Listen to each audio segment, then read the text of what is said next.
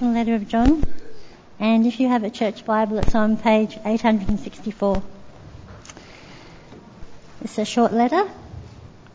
The elder, to the chosen lady and her children, whom I love in the truth, and not I only, but also, but also all who know the truth, because of the truth which lives in us and will be with us forever. Grace, mercy, and peace from God the Father and from Jesus Christ, the Father's Son, will be with us in truth and love. It has given me great joy to find some of your children walking in the truth, just as the Father commanded us. And now, dear lady, I am writing, I am not writing you a new command, but one we have had from the beginning. I ask that we love one another. And this is love, that we walk in obedience to his commands. As you have heard from the beginning, his command is that you walk in love. Many deceivers who do not acknowledge that Jesus Christ is coming in the flesh have gone out into the world. Any such person is the deceiver and the antichrist. Watch out that you do not lose what you have worked for, but that you may be rewarded fully. Anyone who runs ahead and does not continue in the teaching of Christ does not have God. Whoever continues in the teaching has both the Father and the Son.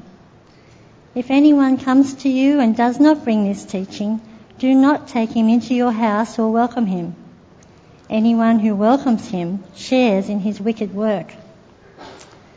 I have much to write to you, but I do not want to use paper and ink. Instead, I hope to visit you and talk with you face to face so that our joy may be complete. The children of your chosen sister send their greetings.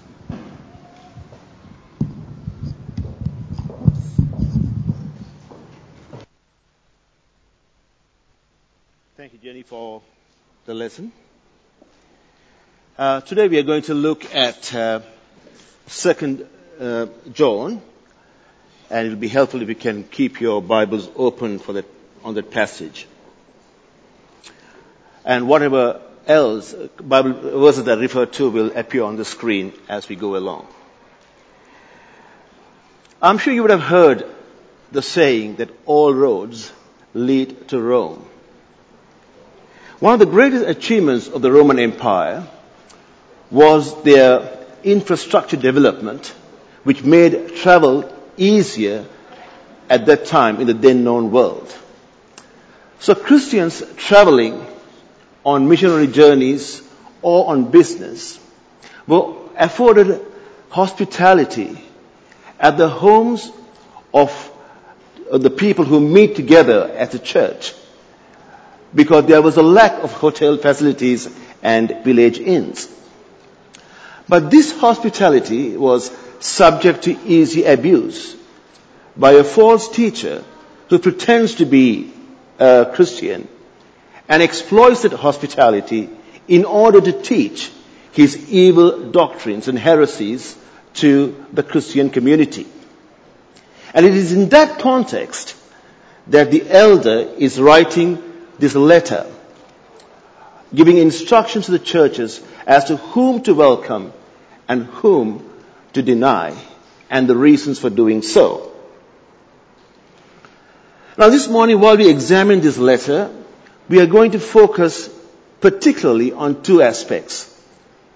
Firstly, we are going to focus on John's teaching on Christian love in the church.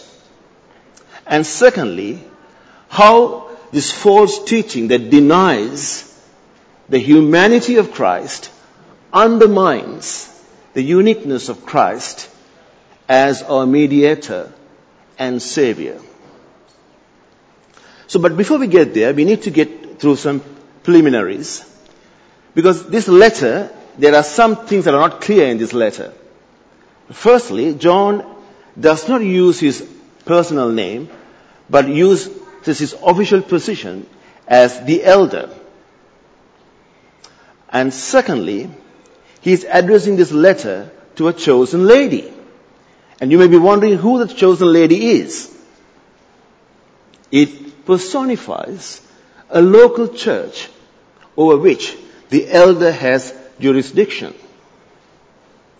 And thirdly, thirdly, the reference to her children means the individual members of the church who, con- who constitute that local church. Biblical commentators believe that John is deliberately concealing his identity and the identity of his local church because of the intense persecution that was happening at the time for Christians. So that's the context in which this letter has to be read.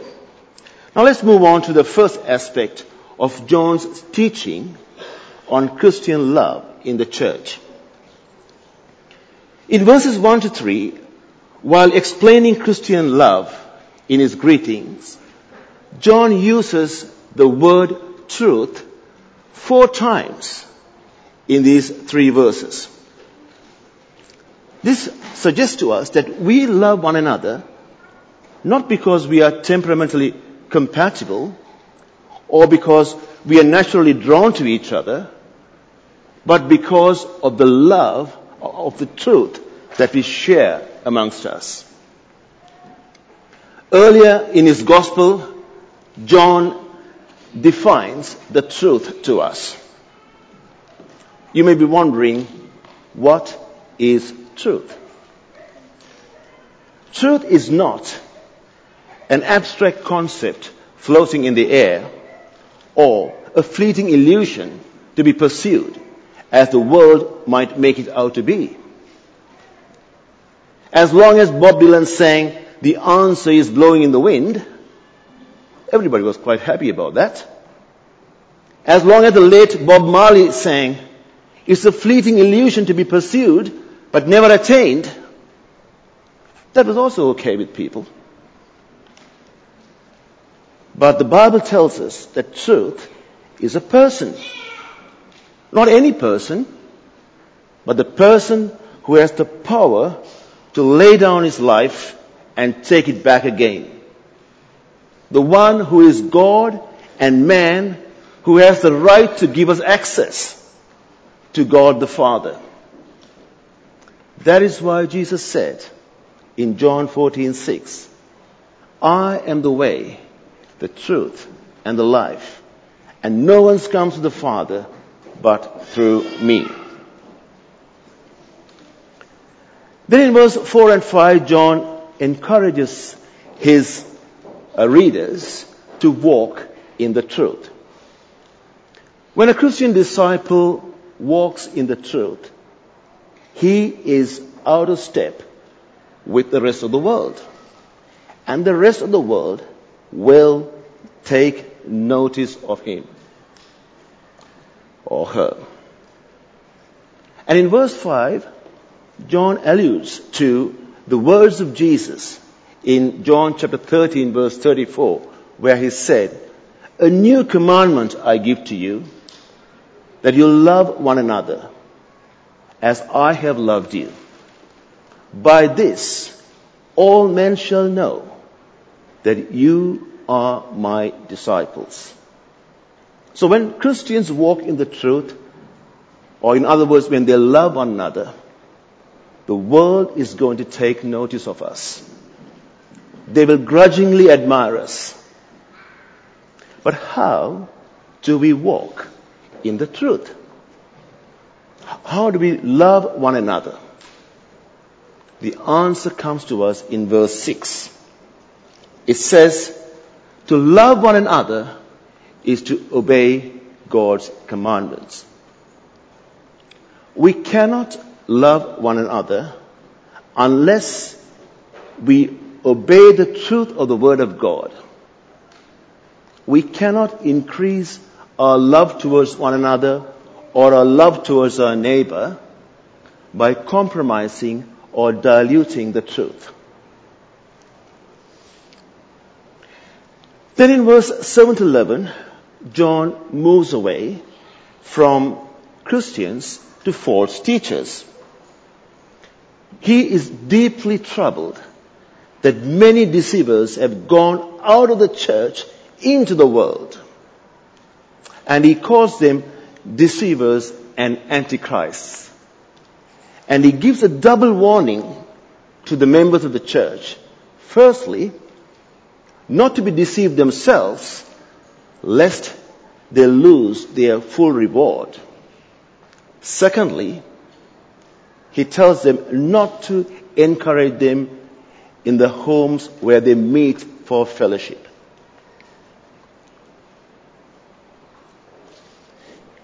In fact, Jesus himself warned his disciples that in the last days many false prophets and false Christs will arise and try to deceive even the very elect. And John goes into great pains to help us to discern how to distinguish between the Spirit of God and the Spirit of Antichrist in his first letter. If you turn to 1 John chapter 4 verses 1 to 3, John gives us how to distinguish between the Spirit of God and the Spirit of the Antichrist. And the acid test is every person who confesses Jesus Christ as coming in the flesh is from God. And every person who denies that is from the spirit of the Antichrist. Since John is so concerned about this false teaching concerning the humanity of Christ, this morning we are going to dig a little deeper to understand the gravity of this error and its implication on our faith and our salvation. We have to be sure that our Savior and our mediator is the Son of God as well as the Son of Man. And if we are not clear about that, we too can be susceptible to the false teaching of these false prophets. So firstly, only he who is true God and true man can bridge the gulf between God and man. As children of Adam, we are dead in our sins and we are separated from God. And it is not in our power to ascend to God and bridge the gulf between God and man. We are completely paralyzed to do that. So the only option is for God to descend to us. So that is why the Son of God became our Emmanuel, our God with us. As we read in Isaiah chapter 7 verse 14 and Matthew chapter 1 verse 23. So that His divine nature and our restored human nature by mutual connection can grow in the life of a believer. The Son of God has to be the Son of Man to bridge the gulf between God and man. Secondly, only he who is truly God and truly man can mediate between God and man. As you know, a mediator will have to represent both sides equally and without bias. But the task of our divine mediator is to restore the fallen children of Adam as the children of God so that we become co-heirs of the kingdom of God through Christ. And this can only be done when the Son of God takes upon himself our flesh and our bones and become one of us to mediate on our behalf. We get a glimpse of that in Genesis chapter 2 verses um, 22 and 23. When God created Eve from the bones of Adam and brought her to Adam, Adam was blown away and he said, wow, this is bone of my bones and flesh of my flesh and she should be called a woman. And immediately in the next verse, God gives the command for the one flesh relationship between man and woman in the context of marriage. Now can you see how God is forging a pattern for our salvation in this? Now let's fast forward to Ephesians chapter 5 verses 29 to 32. In this section, just as Adam described Eve, Christ describes the church. There is a flesh and bone relationship between Christ and the church. And Christ, it is a mystery, my friends, but Christ cannot be the head of the church, nor can we be the body of Christ if Christ is not human. He has got to be human. And that is why Jesus says in John chapter 20 verse 17, I am ascending to my Father and to your Father, to your God and to my God. Confirming that we are co-heirs with Christ of the kingdom of God. Thirdly, it is only he who is true God and true man can obey on our behalf. Now, as the natural descendants of Adam, we are separated from God and we are dead in, we were dead in our sins. And to restore the situation, there should be another person like Adam to represent humanity, a person who is not of natural descent or who was born by the will of the husband. Because Adam was a created being. So the next Adam also should be, should have similar qualities. Such a person has to come and obey on our behalf pay the price for our sins, and satisfy God's just demands to restore us back to God. And you know, and I know, that no man born of a woman can do that because we are already tainted with sin and death. Even in the Old Testament, the sacrificial animal has to be without blemish, foreshadowing this second Adam. So our Lord had to be incarnated as the Son of Man to facilitate this obedience and sacrifice to satisfy God's righteous judgment. He took our place as the second Adam, not born of natural descent, nor by the will of a man, husband, but he was incarnated by God. And Paul, writing in Romans chapter 5, verse 17 to 19, explains this concept very clearly. Those who are born of the natural Adam are naturally sinful. And those who are born of the line of Christ are made justified, are justified by Christ. Our salvation was accomplished by God becoming man and obeying unto death. Man for man. Not an animal for man. Nor an angel for man. Not even God for man. It has to be the Son of God as Son of Man for our salvation. I hope by now you will understand how central the humanity of Christ is for our salvation and for our faith. He is so unique. He is so wonderful. He is so majestic. He is indescribably wonderful. And that is why Satan wants to attack the very foundation of our faith through these false teachers. And we are not going to give in to that.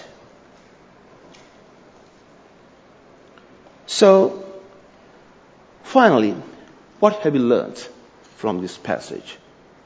Let me recap the two things. Firstly, John is very clear that Christian love is founded upon truth. We cannot increase our love towards ourselves or towards our neighbor by diluting the truth. After all, the word love is used very loosely in this world today. Those who advocate marriage equality use the word love a fat lot. The LGBTIQ community, fraternity, uses this word very much. The media bombards us with this, saying that we need to be more permissible in our ways to become a more loving society. The word love is used like nobody's business in this world. But we stand as Christians, we stand committed to love our neighbors as ourselves no matter what. We want others to come to know the love of Christ and His salvation. But we will not accommodate in our lifestyle or in our Christian walk anything that is contradictory to the truth of the Word of God. That is the bottom line. That is the distinction between the love that world professes and the love that we profess, the Christians profess. To grow in the love in, the, in our community of believers, we need to make certain choices. As Paul writes to the Colossians in Colossians chapter 3 verse 12, we have to put on compassion, kindness, humility, meekness, patience, the ability to bear with one another and to forgive one another. Wow, it's hard work. Christian love is hard work, my friends. Christian love doesn't come easy. And I will confess that I struggle with this all the time. And the Lord keeps on reminding me this verse over and over again from the time I decided to do full-time ministry. Put on, make your choices, say no. That's what, how Christian love uh, begins to impact in a community. It doesn't come naturally.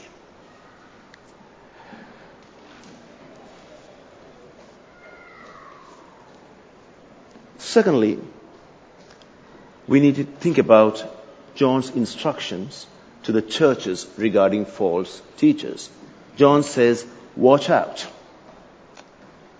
And John's instruction to the church should be understood um, in the context on which it was said. Now, in the first century, before all these beautiful church buildings came up, Christians met in the homes of fellow believers, like the way we meet in, for our Bible studies. So the home was the church. And therefore, John is writing giving an official instruction to these churches not to officially welcome these false teachers and false and antichrist into their midst. He is not talking about personal um, hospitality.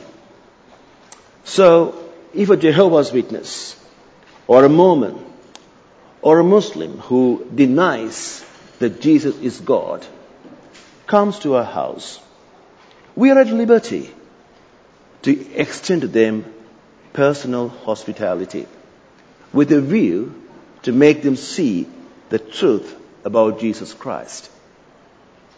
But we will not afford to them an official recognition in the church to teach and preach their erroneous ways.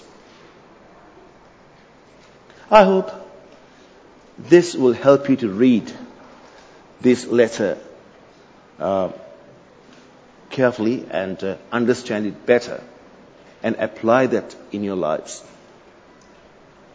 And I hope the Lord will give us the strength to love each other more as we obey the truth of the Word of God and stand firm in our faith by digging deep into the Word of God so that we can stand against these false teaching and heresies that have gone into the world. Thank you and God bless you.